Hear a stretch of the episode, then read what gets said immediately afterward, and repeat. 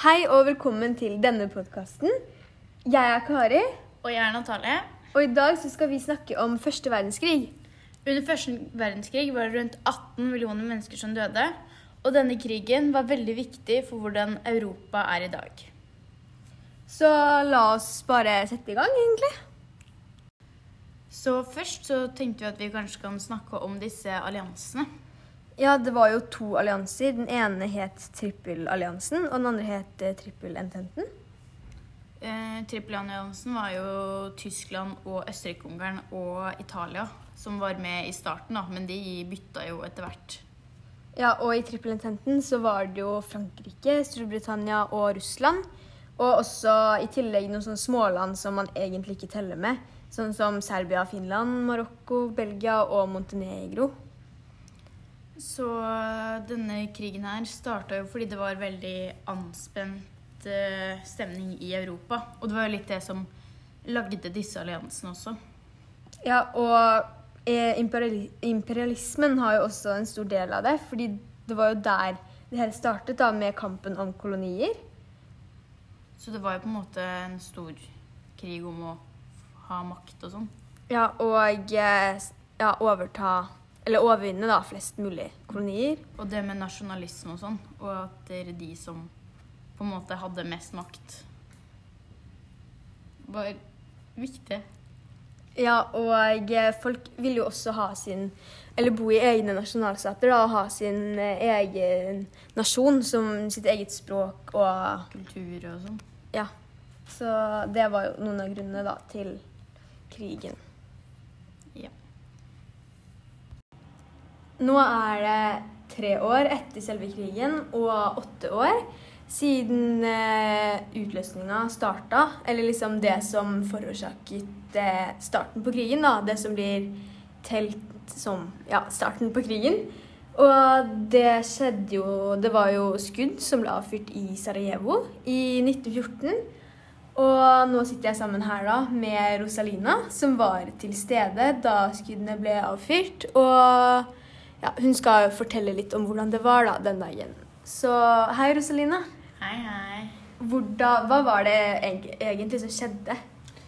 Nei, det var jo egentlig en stor folkefest, og alle var veldig glade fordi Frans Ferdinand og hertuginne Sophie skulle komme på besøk. Dette var en veldig viktig dato for de, og alle var veldig takknemlige for at de skulle feire dagen sammen med oss. Så det var masse folk i gatene, og alle var liksom veldig glade og sånn. Eh, Men så plutselig under Fordi de kjørte fra liksom gjennom byen og til rådhuset. Og så på veien der så var det noen som kastet en håndgranat på dem. Men heldigvis bommet den på bilen, og så, men den traff masse andre folk som sto der ute. Og det ble et stort kaos. Men Frans Ferdinand og Sophie kom seg i sikkerhet til rådhuset. Mm. Men eh, for eh, det, Ja, det var jo den bomben som eh, kanskje ikke så mange har hørt om. Men som Ja, det var jo det som skjedde før skuddene. Men ja, hva skjedde egentlig etter at bomben ble kasta på dem? Fordi på rådhuset så holdt Frans Ferdinand en tale. Og etterpå så skulle de kjøre tilbake igjen. Og da Det var egentlig veldig tilfeldig. På veien der så stoppet de foran et konditori. Og ut fra konditori så kom Gavrilo Prinsipp, en av de som sto ute i gatene og skulle prøve å ta de tidligere på dagen. Og han så at de stoppet der, og da skjøt han begge to, og så døde de. Ja, for eh, Gavrilo Prinsipp var jo en student. Og han var jo en, et medlem av en serbisk organisasjon som het Den sorte hånd. Og de hadde jo da Jeg vet ikke helt liksom bakgrunnen eller for at de skulle eh, drepe dem, men det var kanskje for å skape opptøyer eller ja, skape uro da i, i landet. Og ja, det var jo også mye urohet mellom koloniene som kanskje sk- forårsaket det.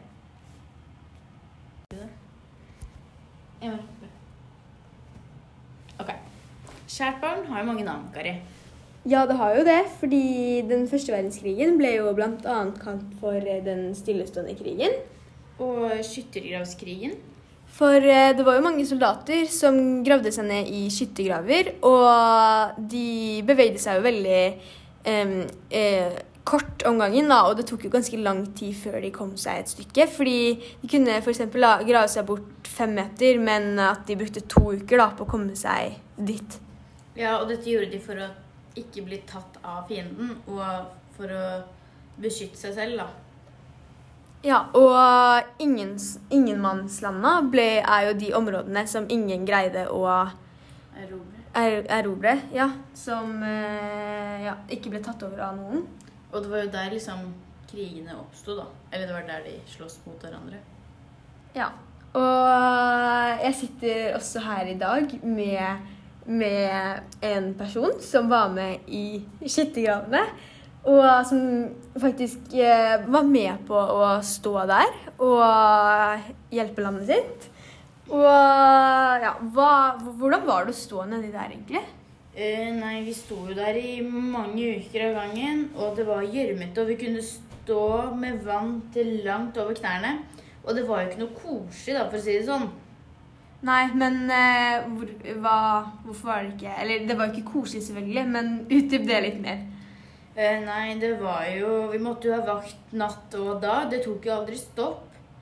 Og det var så mye gjørme og vann, og noen ganger så var det jo Hvis noen hadde dødd, så var det jo ingen som kunne flytte på lika, og det var fullt av rotter som spiste maten vår, og ja, det var noen av de verste åra i livet mitt, da, for å si det sånn.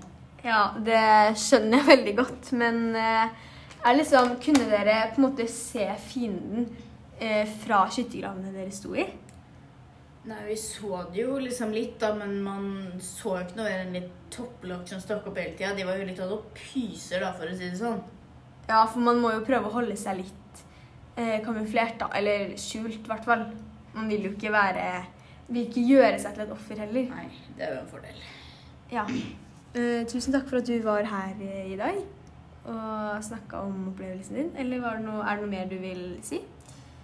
Ikke gjør det selv. Etter en tid så var det faktisk Tyskland som seira på østfronten, Kari. Jeg tenker vi bare starter på det. Ja, og jeg må slutte å si Kari. Ja. Um, etter en stund så var det faktisk Tyskland som seira på østfronten. Ja, for i 1916 så gikk Russland til storangrep mot Tyskland.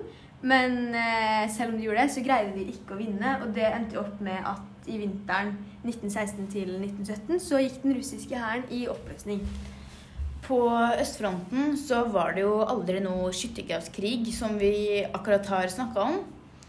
Um, og der var det faktisk at Tyskland var bedre og sterkere enn Russland. Og de rykka bare lenger og lenger inn i Russland. Helt til eh, de slutt tapte. Ja, for uh, da Russland gikk i oppløsning, så ble det jo Så ble jo da trippelalliansen mye svakere enn trippelententen. Så derfor valgte da USA å gå inn i krig mot Tyskland. Men eh, ja, hvorfor gjorde de egentlig det? Ja, det kan vi jo snakke litt om. Fordi, fordi i 1915 så hadde Tyskland eh, sunket flere amerikanske skip, og det skapte stor forargelse i USA. Ja, fordi det er jo en av grunnene da, til at USA ble med eh, trippelententen i krigen. Og de, på- kanskje de på en måte var fortsatt sure over det med skipene, og må- da hadde de jo på en måte noe å eh, ha, noe å ha imot Tyskland. Ja, da. liksom en god grunn for å Ja. bli med inn i krigen. Men de ble jo faktisk ikke med i krigen før i 1917. Nei, og da USA ble med i krigen, da ble jo da naturligvis trippelententen sterk, eh, sterkere, og den sterkeste alliansen. Så til slutt så måtte jo Eller først så kapitulerte Østerrike-Ungarn. Og så gikk jo hele hæren til Tyskland i oppløsning. Ja, så det endte jo med da at eh, trippelententen vant. Så 11. november i 1918, så ja, akkurat klokka 11, så ble det eh, fred, da. Fredsforhandlingene startet jo i 1919 i Versailles Versailles. Ja, i hvert fall i Frankrike. Eh, og det var her de lagde denne 14-punktsplanen. Og en av punktene er jo at eh, Tyskland gir fra seg landområder som de hadde erobret. Og så ble koloniene til Tyskland fordelt, eller de koloniene som Tyskland eide, ble fordelt mellom de landa som vant. Ja, eh, Tyskland måtte jo også betale erstatninger etter krigen, som det som eh, hus og bygninger som ble ødelagt. Og så måtte de også redusere militære styrker, og allmenn verneplikt ble forbudt. Og hva var egentlig allmenn verneplikt? Det er at eh, landets statsborgere er plikta til å delta i krigs- og militærtjeneste. Så de fikk liksom ikke lov at eh, det var plikta å dra i militæret, da. Ja, og ja, For Tyskland så var jo dette en ganske ydmykende fredsavtale. Så alle de tyske folkene ble jo liksom eh, nedtrykt, på en måte. Og ganske sånn sure, og de syntes jo det var urettferdig. Så derfor så er jo det Det er jo en del til da at eh, andre verdenskrig startet. For eksempel fordi Hitler var jo med i å kjempe liksom i denne krigen. Nå har vi starta. Sånn, nå har vi liksom røftlig gått gjennom første verdenskrig fort og gærent her. Ja, vi har jo tatt med de viktigste delene. fordi det er jo ganske mange små detaljer da, som vi kunne ha tatt med, men da hadde denne podkasten blitt ganske lang. Så ja. Ja, det var jo noen eh, på en måte, ting da som ble annerledes etter første verdenskrig. Som eh, f.eks. at europakartet ble endra. Fordi det ble jo delt opp i nye land. Og så ble det også en stor revolusjon i Russland etter at den eh, russiske hæren gikk i oppløsning.